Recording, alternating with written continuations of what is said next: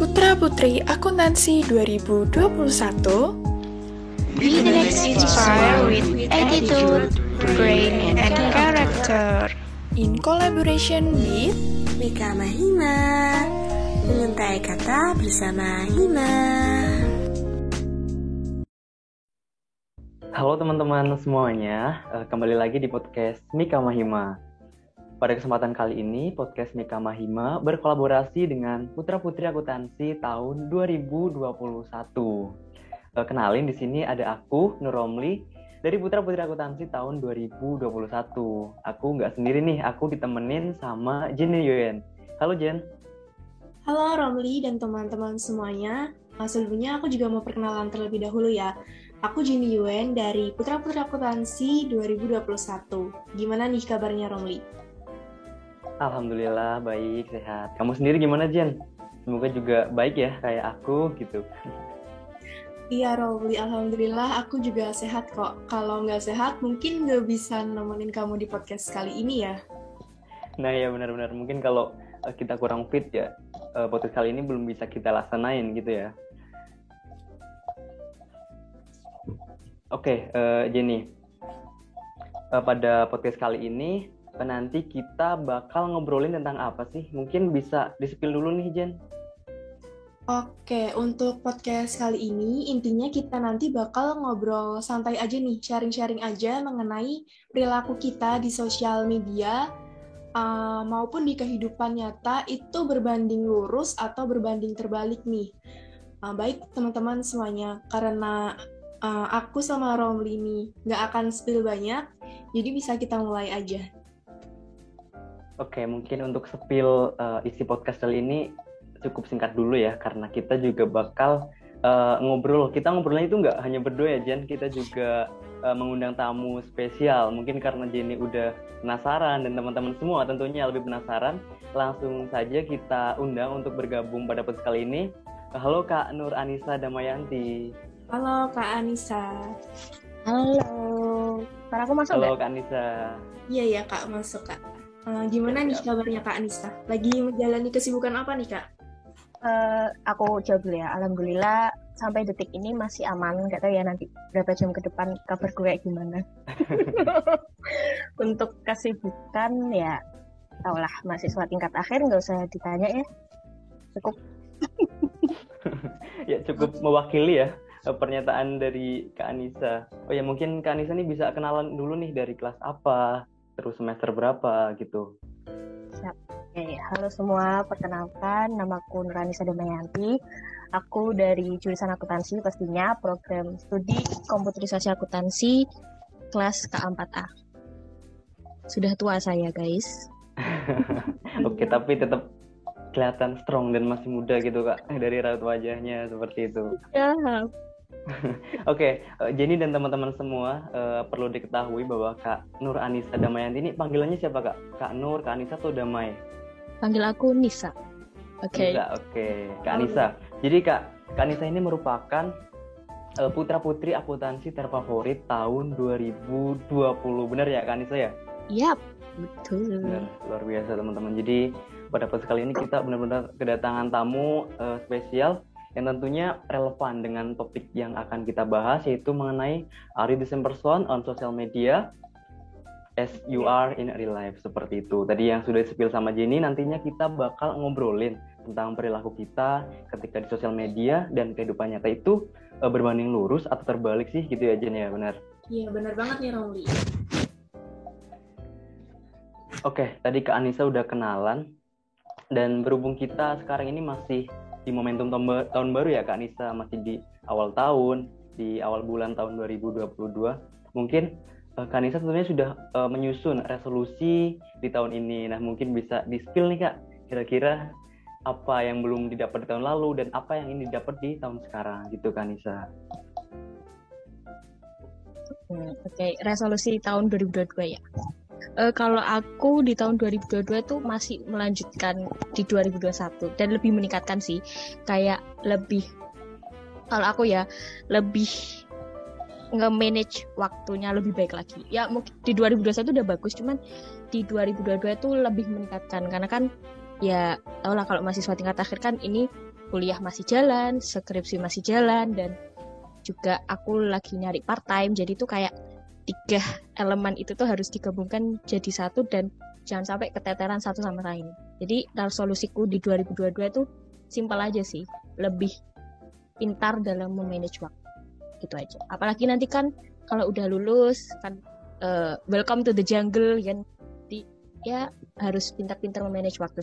Dan yang kedua lebih uh, lebih pingin belajar tentang itu apa namanya manajemen finansial ya kan itu sangat penting ya buat kita kita jangan sampai boros gitu ya kan. Jadi aku lebih mau resolusinya itu sih. Kayak harus bisa nge-manage finansial yang baik gitu. Simpel okay. tapi berat dijalanin guys. Bener karena kadang yang sederhana itu loh kak yang kadang susah. Dan yeah. mungkin uh, kehadiran Kak Anissa di podcast kali ini merupakan salah satu uh, kepandian Kak Anissa nih dalam kan Kak Anissa sibuk dan masih bisa nyempetin buat hadir di podcast kali ini seperti itu. Tadi ada beberapa resolusi ya. Kayak uh, meningkatkan uh, kedisiplinan terutama dalam memanage waktu sama uh, manajemen finansial seperti itu. Kalau dari aku sendiri ya kurang lebih mungkin ada yang sama ya kayak mengenai kedisiplinan bagaimana sih cara memanage waktu yang baik karena kita semakin ke sini tuh semakin ke semester belakang itu tentu saja semakin sibuk ya Kanisa.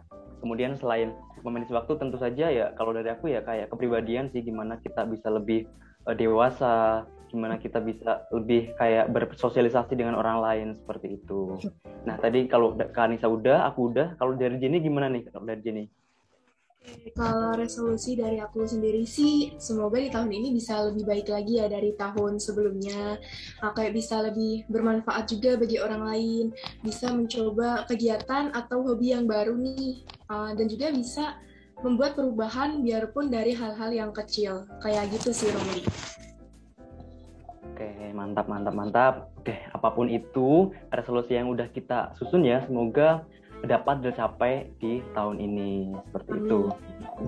Oke, Kak Anissa dan Jenny nih, tadi udah kenalan, udah sepil juga karena ini masih momentum tahun baru, resolusinya udah disampaikan. Kita langsung aja ke pembahasan kali ya mengenai uh, are you the same person on social media as you are in real life seperti itu. Oke, untuk poin yang pertama, mungkin kita mulai dulu nih dari Kak Anissa. Kira-kira uh, sosmed itu apa sih dan seberapa penting gitu Kak? Sosmed. Sosial media tempat kita bersosialisasi. Oke. Okay. menurut aku penting karena dari sosial media itu kita kan bisa menjangkau orang yang tidak bisa kita jangkau di real life ya. Jadi menurut aku sosial media itu salah satu alat paling ampuh untuk memperluas relasi atau memperluas jaringan. Dan juga yang kedua itu kayak tempat apa ya tempat kamu mengekspresikan dirimu gitu dan semua orang tuh bisa lihat oh ini ada oh ada tuh orang yang namanya Nisa atau di, di dunia ini tuh ada tuh yang namanya Nur Anissa Debayati gitu. Jadi menurutku sosial media itu penting gitu. Menjadi kalau kalau aku ya buat aku tuh menjadi uh, alat buat menjangkau relasi yang lebih luas lagi gitu. kalau untuk mendapatkan informasi itu kan uh, udah udah biasa ya maksudnya nggak harus dari sosial media dari WhatsApp atau dari internet itu kan juga kita pasti dapat informasi. Cuman yang lebih spesifik kalau aku dari sosial media itu kayak meningkatkan relasi. Karena relasi itu penting gitu menurut aku. Itu. Oke, jadi yang aku tangkep apa yang dari disampaikan Kak Anissa, jadi sosial media ini merupakan senjata ampuh ya di era sekarang uh, untuk kita kayak memperluas relasi dengan teman-teman mungkin yang tentu saja bisa saja di luar negara gitu ya kan kak. Aku juga salah satu follower kak Anissa nih kadang suka lihat storynya gitu. Kebanyakan ya apa-apa gitu deh. Ya benar aku juga follower kak Anissa. Jangan dibuka di sini dong malu saya. Nggak apa-apa kak. Kan bukti kalau kak Anissa nih nah saya tahu nih ada kak Anissa. Kira-kira kegiatannya ngapain aja gitu kak. Ya benar banget tuh kak. Aduh malu saya. Gak apa-apa, jadi Hmm, ya gimana Jini? Ada tanggapan? Ya benar apa kata Kak Anissa tadi ya sosial media itu uh, sangat penting uh, sebagai ajang kita untuk berekspresi juga dan juga uh, ajang untuk kita personal branding di uh, lingkup yang lebih luas lagi. Oh iya, aku juga mau tanya nih ke Kak Anissa. Teruntuk seseorang yang aktif di sosial media, tentunya adalah ya yang namanya sisi negatif ataupun sisi neg sisi positif dari sosial media itu sendiri. Oh iya, dan juga sebelumnya nih, aku juga mau tanya, sosial media itu kan sebagai personal branding ya, di mana hal itu sebagai proses pembentukan persepsi masyarakat atau publik terhadap aspek yang dimiliki oleh seseorang tersebut seperti kayak kepribadian, kemampuan, nilai atau persepsi positif yang ditimbulkan dari diri seseorang tersebut. Contohnya nih kayak Kak Anissa nih. Kalau menurut persepsi Kak Anissa, eh, gimana sih Kak caranya membangun personal branding di sosial media? Aduh, kalau menurut aku ya, ini aku juga masih proses dalam mempersonal eh membrandingkan diri sendiri kan ya uh, kalau aku lebih langkah kecil yang aku lewati maksudnya buat personal branding tuh kayak aku lebih sharing sesuatu yang aku tahu misal nih misal contoh kecil. Uh, kalian tahu McD kan? Dulu kan eh baru bulan apa ya? Bulan September atau Agustus tuh kan dia sekarang jadi ada alat untuk pembayaran itu kan. Nah itu karena kan aku waktu itu tuh baru banget ya. Nah itu aku foto aku sharing ke sosial media. Nah akhirnya mereka tahu kan oh ala McD sekarang berubah tuh kalau mesen akhirnya mereka tahu cara mesin kalau di McD itu kayak gini-gini gitu loh. Nah itu merupakan menurut aku merupakan suatu apa suatu langkah kecil untuk memberanikan diri aku sendiri gitu loh. Istilahnya kayak memberanikan tuh kan kalau e, menurut aku artinya ya memberikan manfaat ke orang lain juga, memberikan informasi ke orang lain juga, sehingga mereka uh, attract nih ke akun kita. Bahwa oh di akun ini tuh nggak cuman aku nggak cuman uh, mengekspresikan diri sendiri gitu loh. Aku juga ngasih informasi gitu. Jadi bermanfaat buat mereka semua. Itu sih kalau misalkan langkah kecil yang aku tempuh untuk memberanikan diri aku sendiri. Terus yang kedua mungkin uh, kalau misalkan misal acara PPA gitu kan ya uh, ngasih tahu kalau kita tuh ada kegiatan podcast studi banding kayak aku lebih membrandingkan uh, status aku sebagai mahasiswa dan misal sebagai PPA atau enggak sebagai an organisasi masih sebatas itu belum yang kayak apa namanya belum kayak yang komitmen tiap hari harus konten gitu loh kayak gitu sih kalau langkah kecil dari aku untuk memanage akun Instagramku itu.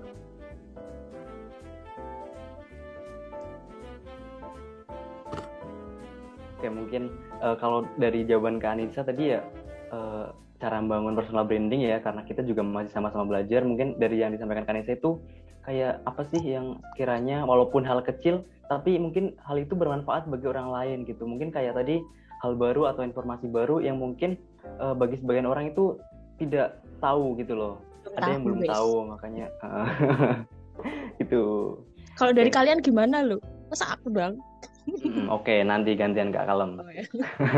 nih Yang menarik sekali ya persepsi dari Kak Nisa nih Rolly. Apalagi Kak Nisa kan juga the winner PPA terfavorit 2020 nih. Uh, pastinya kan udah memiliki experience ya terkait personal branding di sosial media. Tuh. Hmm. Ya bener banget Jen. Tentunya Kak Nisa ini memiliki karakter yang membuat orang lain itu kayak istilahnya apa ya suka dan memfavoritkan Kak Anissa gitu loh. Nah terkait personal branding di sosial media ini, kira-kira uh, kan kadang orang itu kayak tahu ke Anissa itu di sosmed gitu kan. Dan tidak semuanya itu pernah ketemu langsung gitu loh.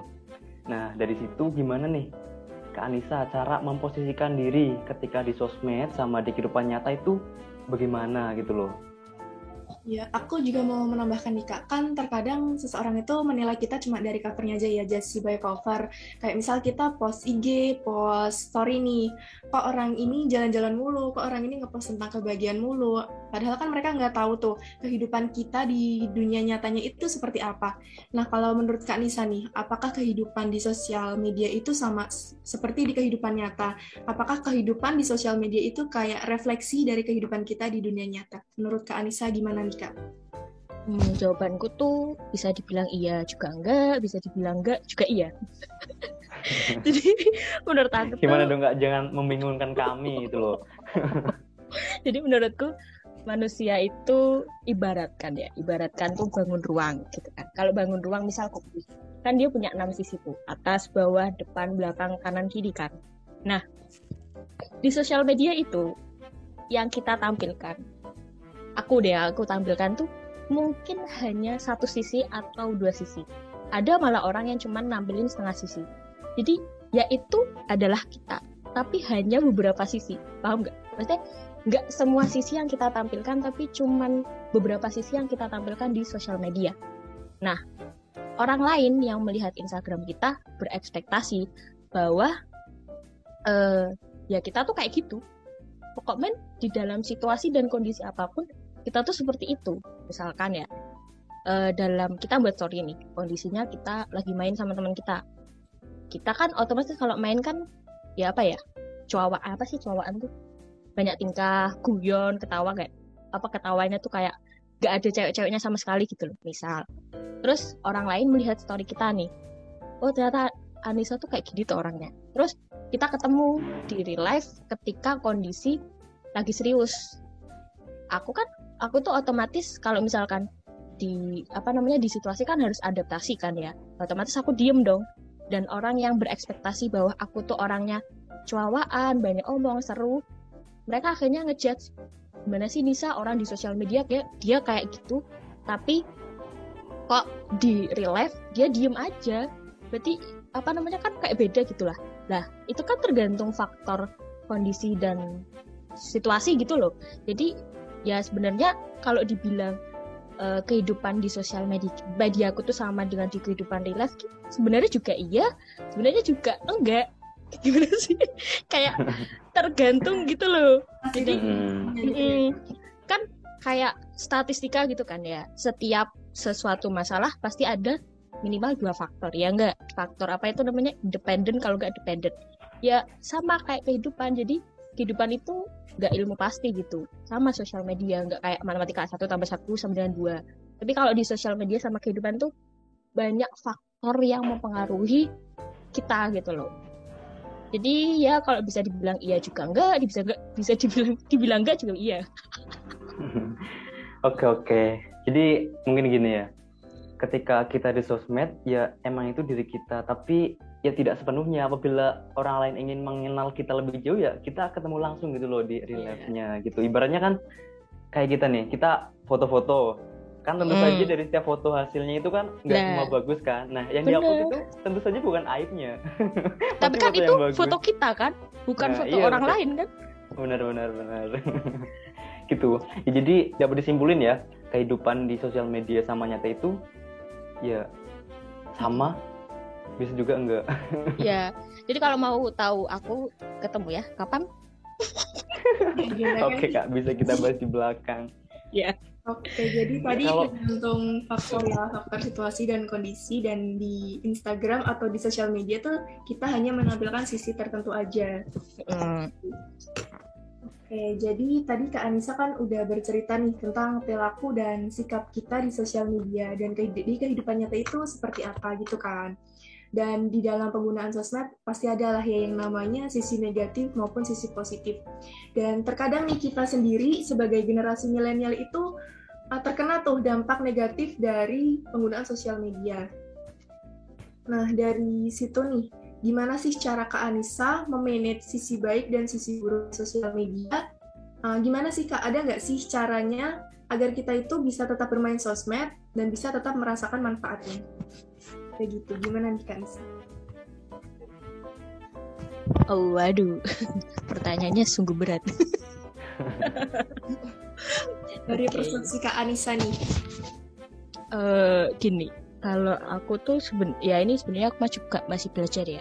Bukan aku yang sepro itu enggak. Masih belajar guys. Kadang pingin rasanya tuh kayak ngedeaktif akun Instagram ya enggak. Kalian mesti pernah ngerasain itu kan? Ya bener banget tuh kak. Rasanya ih Instagram minta matiin deh tapi aduh sayang. Gimana sih ada banyak nih sayang. opa-opanya sayang ya kak. iya, maksudnya melihat updatean pacarku di situ kan kalau dimatiin nggak tahu ya kan. Aduh. Terus, aduh nggak nggak gue ya uh, kalau aku ya untuk memanage sisi baik dan sisi buruknya satu hal bodoh amat jujur li kalau misalkan apa ya gini ya misal ini contoh paling sederhana dan paling sederhana.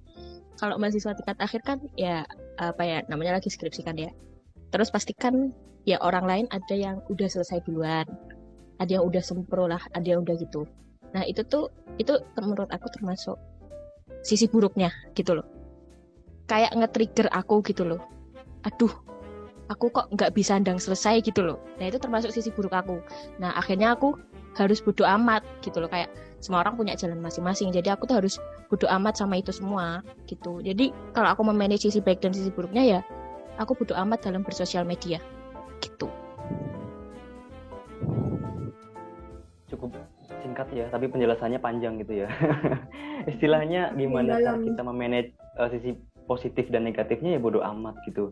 Jadi tapi menurutku ketika tadi misalnya Kanisa ya ada temennya yang mungkin skripsinya udah sampai sini sedangkan Kanisa masih di belakang gitu ya mungkin ya dari situ juga bisa dijadikan sebagai motivasi gitu loh bagi nah. kita gimana sih agar kita juga bisa cepat nyusul mereka gitu loh agar kita tidak tertinggal banget sama teman-teman yang lain seperti itu. Iya benar banget jadi buat motivasi sendiri ya.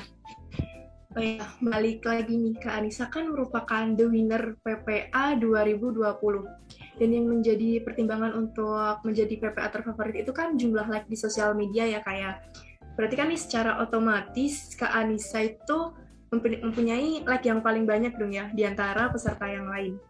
Nah, jadi bisa dibilang nih Kak Anissa memiliki sesuatu yang orang lain itu suka. Mungkin karena karakter Kak Nisa di sosial media, atau karena cara berkomunikasi Kak Nisa di sosial media, atau yang lainnya.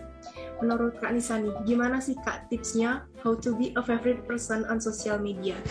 Boleh di-spill dong Kak. Oke, okay, uh, eh, satu ya. Pertama, waktu favorit itu aku bikin video oh tentang materi yang insecure insecure itu kan aku ngangkat topik itu kan. Nah sebelum aku mempromosikan video itu tuh aku kayak nyinggung-nyinggung gitu loh. Kan nyinggung sih ya maksudnya kayak ngasih tahu gitu loh tentang apa sih insecure ya ngespil ngespil gitu loh. Terus ketika video itu muncul apa ya banyak orang yang uh, relate dengan video itu gitu loh. Terus akhirnya banyak orang yang penasaran apa sih yang aku sampaikan dan juga kan Instagram itu udah lama gitu ya banyak temen yang ada di sana. Jadi mereka ketika itu kan emang lagi high vibe-nya kayak materi itu kan jadi banyak yang relate. Jadi ya udah akhirnya banyak yang bantu nge-share banyak yang nge-like banyak yang kepo juga sama video itu bahas apa gitu loh. Gitu sih. Kalau aku waktu itu karena uh, temanya itu karena ngangkat gitu loh dan uh, sedikit memberi motivasi dan memberi dukungan gitu Oke, dari uh, penjelasan Kak Anissa, jadi asal muasal Kak Anissa ini bisa terpilih jadi PPA terfavorit tahun 2020 itu berawal dari isi dari video yang dibuat Kak Anissa gitu ya. Kak Anissa itu mengangkat uh, kayak uh, permasalahan atau topik yang benar-benar sedang relate di uh, lingkungan sekitar gitu. Jadi misal kayak Kak Anissa itu dulu membahas mengenai insecure gitu ya Jen ya. Iya, benar banget nih Romli. Jadi banyak yang bantu share karena relate juga dengan kehidupan dia gitu. Jadi dulu Kak Anissa ini kayak uh, wawancara dulu dengan teman-teman cari uh, topik permasalahan lalu diangkat ke video atau gimana nih Kak Anissa? Atau emang udah memahami gitu?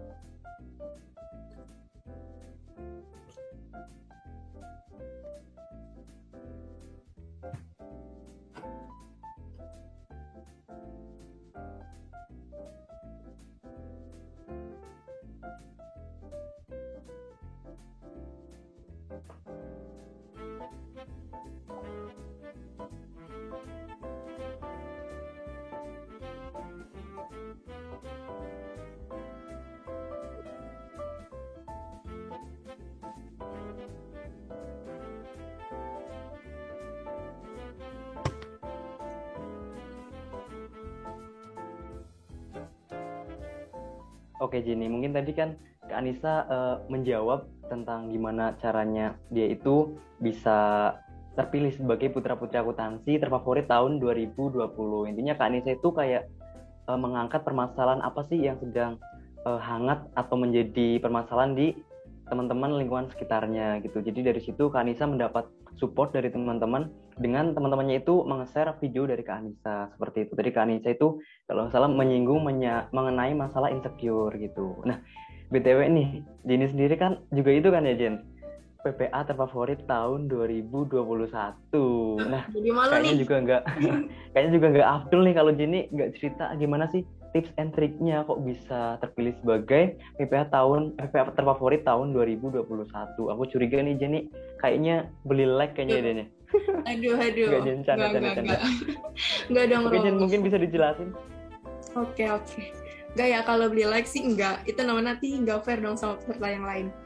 Eh, kalau kalau dari aku kurang lebih sama ya kayak Kak Anissa tadi, di mana ada orang kan relate sama yang kita sampaikan, terus banyak yang bantu share, banyak yang bantu like, kayak gitu. Nah, how to be a favorite person on social media itu emang tentunya kita harus punya nih banyak relasi, banyak teman. Misalnya nih teman dari alumni kita sekolah dulu, atau teman kampus, ataupun kita aktif di organisasi itu kan bisa juga ya menambah relasi kita, menambah teman kita. Karena kan kalau masalah sosial media itu nggak harus tentang jumlah followers. Karena jumlah followers itu nggak menjadi patokan kita gitu. Apakah bahwa seseorang itu benar-benar menjadi favorite person atau menjadi orang yang famous? Karena terkadang orang itu nge-follow kita itu cuma mau cari tahu aja, kayak cuma mau kepo-kepo aja tentang kita. Kayak ada yang sampai nge-follow kita itu pakai second account gitu-gitu kan.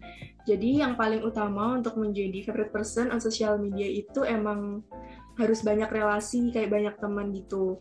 Nggak harus melulu tentang jumlah followers kita di sosial media, gitu sih Robin. Oke, kalau eh, dari Jenny ini eh, asal muasal kenapa Jenny ini akhirnya sukses ya terpilih sebagai PPA terfavorit tahun 2021 itu ya Terima karena kasih juga nih atas dukungan dari teman-teman yang udah Oke memilih. nih teman-teman ya dapat ucapan terima kasih dari Jenny yang udah ngebantu Jenny eh, terpilih sebagai putra putri akuntansi terfavorit tahun 2021. Jadi kasih Jenny tuh banyak. mengungkapkan kalau tipsnya itu ya intinya kita itu harus benar-benar banyak relasi, menjalin hubungan baik dengan teman, terus kita juga kayak mengisi konten di sosmed kita tuh ya dengan hal kebaikan. Nanti teman-teman itu bakal support dan membagikan eh, konten tersebut kepada orang lain seperti itu. Mungkin kalau dari aku sendiri sih, kalau sejauh ini ya, aku di IG tuh emang belum terlalu aktif ya, paling ya emang sebetulnya aja kayak eh, kebutuhan tugas atau apa itu biasanya aku make buat IG. Aku sendiri eh, sebenarnya juga masih belajar kayak eh, belajar mengenai menge- ngembangin hobi aku itu di mana nantinya mungkin aku kayak lebih berani untuk muncul melalui IG tersebut gitu loh. Jadi kurang lebih aku sih kalau pakai IG itu udah lama ya kayak eh, di SMK dulu aku udah pakai IG. Jadi karena mungkin aku dulu ikut OSIS, ikut pramuka dan dari situ kan sering tampil ya. Mungkin dari situ teman-teman pada tahu aku dan ya dalam waktu tidak terlalu lama sih dari aku mulai bikin IG sampai beberapa minggu gitu loh ya. Aku kaget juga kok lumayan banyak padahal aku belum Ya, follow-follow followers. mereka gitu loh. Seperti itu. Nah, oke ini Kak Anissa udah bergabung kembali ya. Kak Anissa tadi aku eh, bahas kembali. Jadi kenapa Kak Anissa dulu itu bisa terpilih sebagai putra putri akuntansi terfavorit tahun 2020 itu ya karena topik yang dibawa oleh Kak Anissa itu benar-benar relate sama eh, masalah yang teman-teman hadapi atau di lingkungan sekitar seperti itu. Nah, dulu Kak Anissa itu sebelum menentukan mengambil ide tersebut. Nah, Kak Anissa itu benar-benar kayak cari-cari informasi dengan wawancara ke teman-teman atau emang udah memahami keadaan itu, Kak? Aku lebih mengangkat pengalamanku sendiri. Ternyata Kak Anissa ini juga pernah insecure ya, Kak. diri sendiri nih. Nah itu eh, pengalaman insecure itu didapat di waktu udah di masa perkuliahan atau di jenjang SMA derajat gitu kak? Ya selama hidup di dunia ini ya guys. ya pokoknya eh, pengalaman dari SMP, SMA sampai kuliah apa ya aku rangkum gitu loh, aku simpulin, aku jadiin sebuah pengalaman. Jadi kayak bukan teori tapi itu kayak pengalaman gitu loh. Kan kalau teori kan mungkin banyak ya udahan tapi kan kalau gimana sih solusi di kehidupan nyata gitu kan nggak sesuai dengan teori kan. Harus lebih adaptif lagi kan solusinya gitu. Oke, nah kalau dari Kak Anita sendiri, bagaimana sih tips paling ampuh untuk mengatasi insecure tersebut kak? Mungkin bisa dijelasin, mungkin kadang aku juga masih suka insecure kak. susah gitu sih emang. Insecure tuh emang susah sebenarnya. Kayak kamu harus yang pertama tuh harus mengenal diri sendiri sih. Kayak semua orang tuh pasti ada positif dan negatif. Di mana kita mem kayak yang tadi kan kita punya banyak sisi. Ada negatif ada positif. Ya udah yang kita tunjukkan positifnya aja yang negatifnya disembunyiin atau diperbaikin gitu. Oke nah kalau dari Jenny sendiri gimana Jen? Karena sama-sama putra putri terfavorit nih. Halo Jen. Mungkin ada tanggapan lain gitu kalau menurut aku benar dari kata Kanisa sih, karena kan insecure itu datangnya kayak tiba-tiba kita kadang untuk melihat orang dari IG aja udah merasa insecure sama pencapaian orang lain tuh. Nah, tapi kita juga harus menyadari kita itu juga punya uh, kelebihan, punya kelebihan yang ada pada diri kita. Jadi untuk insecure itu gimana sih cara, cara kita itu menekan insecure itu dengan uh, menampilkan apa kelebihan yang kita miliki. Kayak gitu sih Romli. Oke, intinya yang pertama ya kita harus yakin dulu, kita harus percaya diri dengan sisi positif yang kita miliki. Kemudian uh, karena kita tentu saja memiliki sisi negatif ya dari situ kita kayak belajar gimana sih agar kekurangan kita itu benar-benar ya tidak terlalu terlihat sama orang lain. Bahkan kita bisa menghilangkan kekurangan tersebut seperti itu. Kayak ini keren-keren banget ya Kak Nisa nah, kalau Romli gimana? Uh, kalau aku ya? Kalau aku ya seperti yang aku sampaikan tadi kak gimana? Jadi aku ya berusaha misal aku insecure suka pemalu gitu kan. Ya aku kayak lebih sering berinteraksi sih sama orang lain gitu membahas kayak apa ya mungkin aku sama orang lain itu memiliki hobi yang sama. Yaudah kita kayak jalan bareng-bareng agar aku itu semakin yakin gitu loh sama sisi positif atau kelebihan yang aku miliki. Dan ketika aku punya kekurangan ya aku kadang juga kayak minta solusi sama orang lain ya orang terdekatku terutama ya yang udah bener-bener kenal aku. Gimana sih kok aku kayak gini banget ya? Gimana sih tipsnya biar aku ya setidaknya bisa kayak kamu gitu loh. Seperti itu. Betul betul betul. Oke oke. Selanjutnya mau bahas apa nih Jen? Tadi udah dari awal kan udah uh, arti medsos sendiri terus sisi positif dan sisi negatif bagaimana memposisikan diri baik di sosmed maupun kehidupan nyata seperti itu oke aku mau ke pembahasan selanjutnya nih boleh ya Romlia siap boleh banget jadi Kak Anissa ini kan merupakan putra-putri akuntansi terfavorit 2020 nih. Nah, kira-kira kesan dan pesan apa sih Kak yang bisa Kakak sampaikan selama menjadi bagian dari PPA 2020? Bisa sharing nih sama teman-teman Kak. Gini, uh, kan kalau PPA 2020 itu kan kayak jomplang gitu kan ya sama PPA 2019. Maksudnya yang PPA 2019 itu kan offline gitu kan. Nah 2020 ini kan jomplang banget langsung online gitu kan. Nah, akhirnya uh, kita kan nggak bisa menjangkau maba-maba gitu kan ya. Offline kan waktu itu warna itu aja ya MC-nya tetap PPA, cuman kan uh, mabanya kan nggak di tempat gitu kan. Kita nggak bisa berinteraksi langsung terus gimana gitu kan cara jangkau mereka biar tahu nih oh ada PPA di akuntansi itu ada PPA gitu loh. Nah akhirnya itulah apa namanya startnya kita bikin Instagram gitu kan Instagram PPA terus nge-branding nyari apa namanya nyari ma apa itu? Nyari apa sih namanya? Nyari penonton eh nyari ya mau nyari masa gitu loh biar tahu kalau ada PPA ini ada Instagram PPA nih loh. Nah itu kan e, susah ya maksudnya nggak e, semua orang tahu PPA kan. Maksudnya maba-maba kan juga masih awam gitu tentang PPA akhirnya e, kesanku itu lebih ke ini nge-grow upin sosial medianya PPA gitu. Bareng-bareng sama PPA 2020 bangun Instagram ini terus mikirin konten. Apalagi kita kan nggak bisa kumpul bareng ya. Pasti mau bikin konten apa juga bingung. Harus ada ya edit mikirin konsep. Ya itu menurutku kesannya di situ sih kayak uh, kerja barengnya itu kerasa tapi nggak kerasa gitu. Tapi ada hasilnya gitu loh. Di, kita bisa lihat di sosial media bahwa alhamdulillah dan sampai sekarang kalian kan bisa melanjutkan dengan sangat sangat sangat baik. Lebih banyak konten daripada angkatanku uh, terus apa kontennya lebih bagus juga. Nah itu kesannya itu sih bangun sosial medianya PPA dari nol gitu. Jadi uh, PPA tahun 2020 ini yang merintis adanya sosmed PPA itu ya kak? Merintis aduh bahasa oh, kayak merintis bisnis. Iya, first first Instagram tuh ada di tahun 2020 nah akhirnya kan setelah, setelah itu kan akhirnya kita bikin Instagram terus akhirnya kan bikin relasi sama Hima. Akhirnya BPA sama Hima kan sering kolaborasi. Nah sampai sekarang bikin podcast bareng kan. Nah itu uh, kesannya kayak ya akhirnya kita bisa memperkenalkan memunculkan BPA gitu Wah, keren-keren. Nah, itu teman-teman semua. Jadi kan ya sosmed ini juga tadi itu salah satu dampak positif dari nah, sosmed ya karena kita bisa uh, kayak branding tentang ini loh, jurusan akuntansi, ada PPA gitu yang awalnya mungkin karena offline berubah jadi online dan kita bisa memanfaatkan adanya sosial media seperti yeah. itu. Nah, kalau kalian Terus, gimana nih? PPA 2021? kalau aku ya, kayak dari aku dulu. Mungkin karena aku tidak tahu yang offline dulu seperti apa dalam pelaksanaannya. Yang aku rasain selama online ini ya gimana ya? Asik tapi ya tetap kurang asik karena tidak bisa ketemu langsung gitu loh dalam kegiatan-kegiatannya. Jadi dulu itu mungkin aku cerita dulu ya awal masuk PPA ya sebenarnya aku itu awalnya itu tidak memiliki ketertarikan sama sekali. Terus ada itu kan ada share-sharean jargoman gitu mengenai ini loh ada open recruitment buat uh, seleksi PPA gitu. Oke deh terus teman-teman udah bujuk nih. Eh Romli ini kayaknya kamu cocok deh, kamu punya potensi. Terus aku sendiri apaan? ini bukan bidangku gitu kan. Terus oke deh karena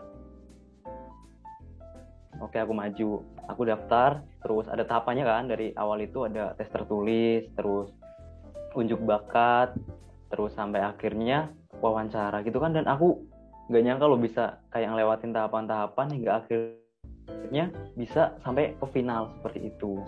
Dan yang aku rasain ya kesannya ya aku senang sih karena ini merupakan pengalaman baru bidang baru aku yang aku jelajahi gitu. Karena sebelumnya aku belum pernah ikut kayak ginian gitu loh. Jadi di sini aku kayak belajar tentang mental sih. Kayak aku jadi ngerasa lebih pede uh, ngomong di publik gitu kan.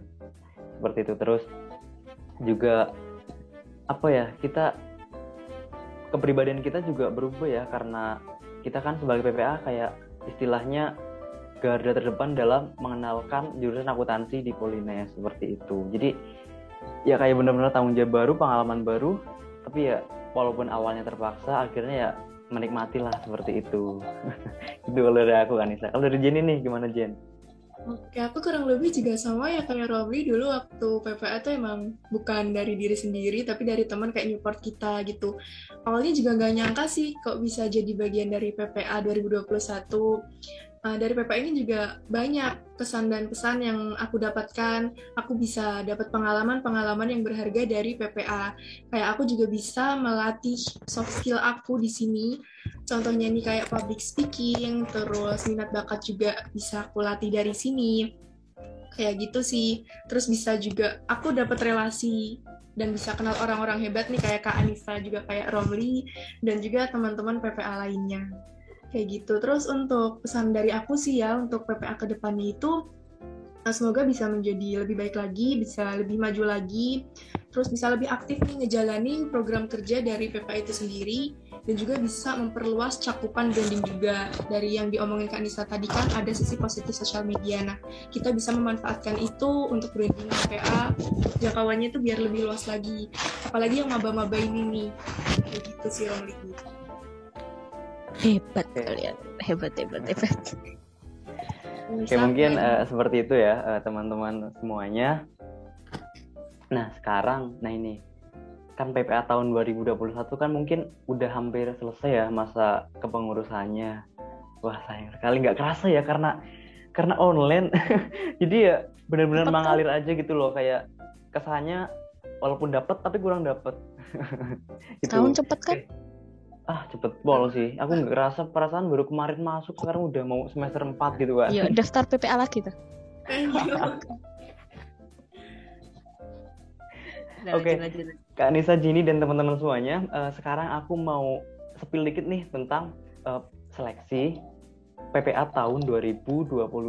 Jadi kapan nih? Untuk tanggalnya ya, jadi untuk registrasinya itu dibuka tanggal 12 Februari tahun 2022 sampai oh. 19 Februari 2022. Jadi untuk tahapan seleksinya ya nanti eh, kayak ada tes tertulis kayak yang aku sebutin tadi tes tertulis kemudian unjuk bakat wawancara dan lain sebagainya pokoknya uh, teman-teman semuanya uh, dari jurusan akuntansi terutama yang masih masih baru nih pokoknya jangan sampai kelewatan untuk mendaftarkan diri karena ya tadi kesan pesan yang kami udah sampaikan ya benar-benar kayak kalau ikut PPA itu benefitnya benar-benar gede dan berpengaruh uh, pada diri kita gitu loh. Berpengaruh di sini ya tentu saja manfaat positif seperti itu. Wajib pun ikut pokoknya ya buat maba-maba wajib wajib. Kalau nggak kalau nggak ikut kayaknya nyesel deh. Karena ini benar-benar pengalaman baru pengalaman yang seru gitu loh.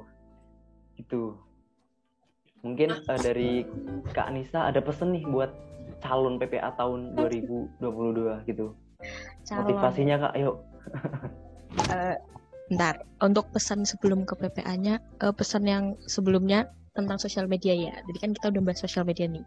Oh, nah, iya, pesannya itu satu kalimat yang menurut aku ini emang bener-bener bener apa sih? Maksudnya ya ini emang bener bukan cuman pepatah gitu, tapi ini emang bener di real Yaitu don't judge people by its cover. Itu bener-bener bener-bener aku alamin sendiri dan itu terjadi di teman dekatku di lingkungan. Jadi kalian kalau bersosial media itu santai gak usah baper gak usah dibawa pikir maksudnya gak usah sampai dibawa berat gitu just enjoy aja di sosial yang penting di real life kalian serius di sosial media cuma buat main-main it's okay gitu loh jadi jangan baper sama apa pun yang ada di sosial media itu oke okay. Banget nih. Pesan buat PPA ya apa ya? Satu pesan sih menurut aku uh, lebih di branding apa ya? Anggaplah PPA sebagai suatu barang yang berharga yang harus kalian perkenalkan ke publik. Jangan jangan kalian anggap ini tuh sebuah beban gitu loh. Kayak aduh kok aku jadi PPA sih? Ntar aku harus gini harus gini harus gini. No itu menjadi media kalian menjadi privilege kalian yang nggak bisa didapetin mahasiswa lain yang cuma bisa didapetin anak-anak PPA nah, kalian tuh harus ngelawan berapa puluh orang untuk menjadi PPA dari berapa puluh orang menjadi 10 orang itu tuh sebuah privilege menurut aku. Kalian bisa ngerasain podcast gini. Kan kalau nggak jadi anak PPA gak bisa kan bikin podcast? Kayak gitu salah satunya. Terus kalian bisa belajar juga bikin konten kayak gimana edit itu gimana manage sosial media juga itu gimana nah nanti itu bisa kalian terapkan di sosial media kalian sendiri begitu Oke mantap sekali Kanisa. Oke aku nyimpulin yang awal dulu ya tadi mengenai pesan tentang medsos ya. Pokoknya kita itu dalam bermain medsos jangan menilai orang dari covernya saja karena yang apa yang disampaikan tadi kan kita kalau di semi itu tidak menunjukkan diri kita sepenuhnya. Hanya diri kita sebagian sisi bahkan tidak ada sebagian gitu loh yang kita tampilin. Ya wajar sih. Kadang kan kalau kita apa ya dinyinyir sama orang karena netizen Indonesia kan ternyinyir sedunia kan katanya. Itu kalau ada yang sensitif dikit langsung diserbu gitu kan pokoknya ya kita lebih berhati-hati jangan baper gitu ya Kak Nisa tadi gitu. Terus mengenai pesan untuk PPA anggaplah PPA itu sebagai barang berharga karena tidak semua orang itu bisa mendapatkannya. Istilahnya kita itu tidak bisa uh, apa ya tergabung dalam keluarga PPA gitu loh. Kan akuntansi itu banyak orangnya dan yang terpilih sebagai PPA itu kan tidak banyak. Kalau untuk final sendiri kan hanya 10 gitu kan lima putra lima putri gitu jadi benar-benar uh, eh, PPA ini bermanfaat gitu dari Jenny mungkin uh, ada tambahan lain Jen? dari aku benar apa yang katakan Nisa tadi sih ya kita itu menjadi orang-orang pilihan yang dari sekian banyaknya yang ikut PPA dan kita yang terpilih ini merupakan suatu kesempatan bagi kita untuk mengembangkan diri kita di dalam PPA ini.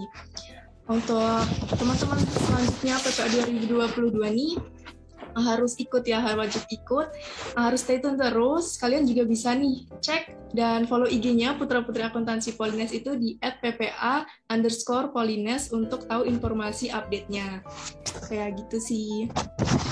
Semangat juga buat ke depannya nanti dan harus ikut ya. Oke, wajib sih, wajib. Admin Instagramnya PPA. Lolos.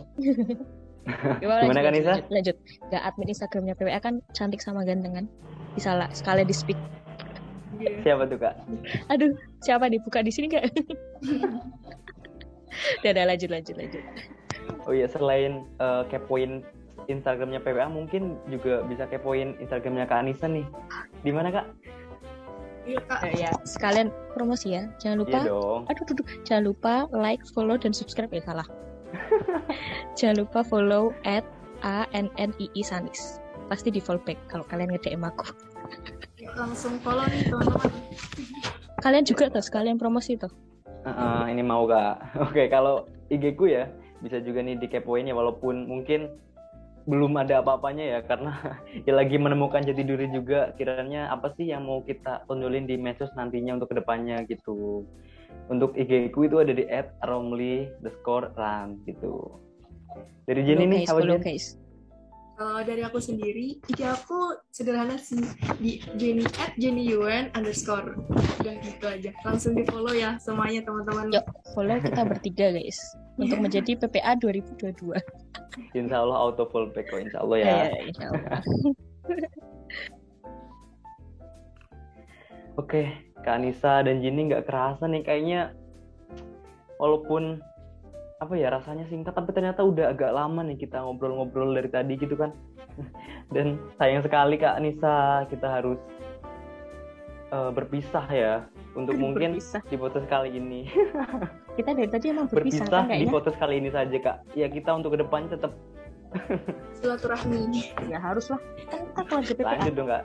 Benar boleh boleh boleh. Mungkin cosplay jadi mabet dulu kali kak. Soalnya kan dari raut-rautnya itu kan ya masih cocok lah ya waduh gitu. jangan mau cari cuan guys. Kalau kalau tingkat akhir itu pemikirannya udah beda ya kak ya? Cuan cuan cuan, cuan. udah ke mana-mana itu aduh ya Allah. Nah, udah udah. Kalian nikmati kuliah kalian dulu aja ya guys. Nggak usah overthinking dulu. Oke, Kak Anissa juga semangat ya yang udah mau uh, lulus dari Polines gitu Kak Anissa. Semangat, semangat. Jangan lupa kasih bunga ya. Oke, kabar-kabar aja Kak nanti. oke, oke, lanjut, lanjut. Oke, uh, nih sebagai abang hantar closing obrolan kita pada podcast kali ini. Nah, kira-kira ada nggak nih tambahan dari Kak Nisa ataupun dari Romli uh, dari sharing-sharing kita tadi? Dari Kanisa dulu nih mungkin. Tommy dulu. Ada? Yang tua ngalah. Aku ya? Karena aku cowok sendiri ya, oke deh. Iya. aku dulu.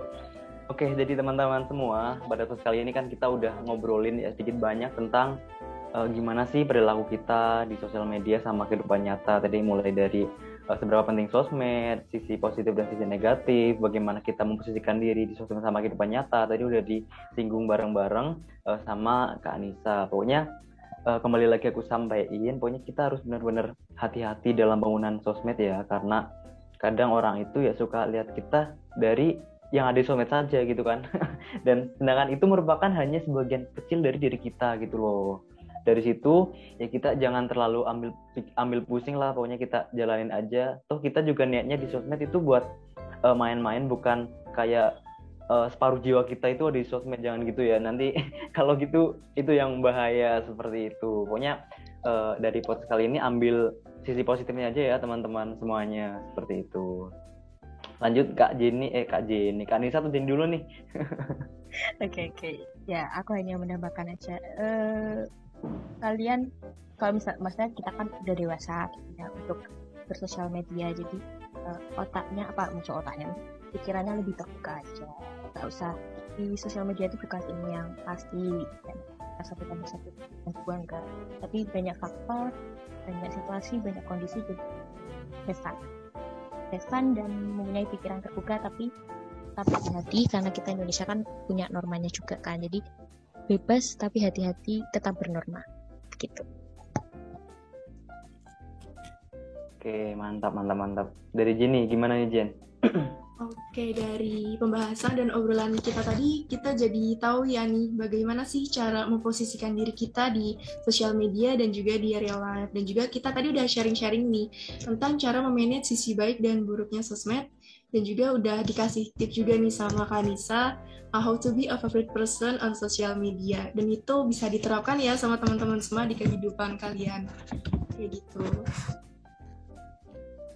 Oke, pokoknya apa ya uh, kehidupan kita ya benar-benar di kehidupan nyata gitu loh. Jangan jangan apa ya kayak kita hidup di sekarang ya walaupun sekarang eranya virtual tapi apa ya jangan melulu kita itu apa yang benar-benar dari kita. Kan tadi udah sampai ini di sosmed itu pokoknya kita benar-benar kelihatan kecil sebagian kecil dari kita.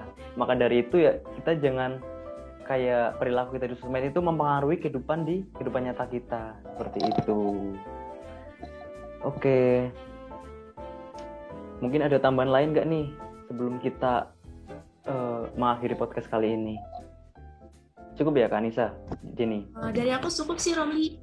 Dari Kak Nisa gimana nih? Insya Allah cukup sudah. Oke, eh, pokoknya eh, buat Kanisa, aku ucapin terima kasih yang sebanyak-banyaknya ya karena udah mau meluangkan waktu di tengah kesibukannya seperti itu kan. Apalagi eh, ini kan apa ya mengenai tema yang kita bahas tadi ya benar-benar bisa memberi pandangan baru gitu loh kepada aku dan Jenny pada khususnya dan teman-teman semua pada umumnya seperti itu. Mungkin uh, tidak ada sesuatu lain yang bisa kami berikan selain ucapan terima kasih gitu loh kepada Kak Anissa. Satu T. Terima kasih. Oke, dari Jenny Eh, mau ngucapin terima kasih juga nih atau sudah cukup terwakili dari aku? Uh, aku juga mau ngucapin ya ke Kak Anissa, terima kasih Kak Anissa di tengah kesibukan Kak Anissa sebagai mahasiswa tingkat akhir udah bisa menyempatkan waktunya untuk bergabung nih sama kita di podcast kali ini. Terima kasih banyak ya Kak Anissa. Semangat mahasiswa tingkat akhir. Tetap Kasih kuat. juga semangat kalian. Semangat Kak Anissa dan semangat semuanya. Semangat Oke, teman-teman semuanya, mungkin ini akhir dari podcast kita pada malam hari ini bersama tamu spesial kita yaitu Kak Nur Anissa Damayanti, putra putri akuntansi terfavorit tahun 2020. Seperti itu. Kasih. Oke, teman-teman semuanya, sampai jumpa di podcast berikutnya. Dadah. Bye bye. Bye. Thank you and see you on next podcast teman-teman.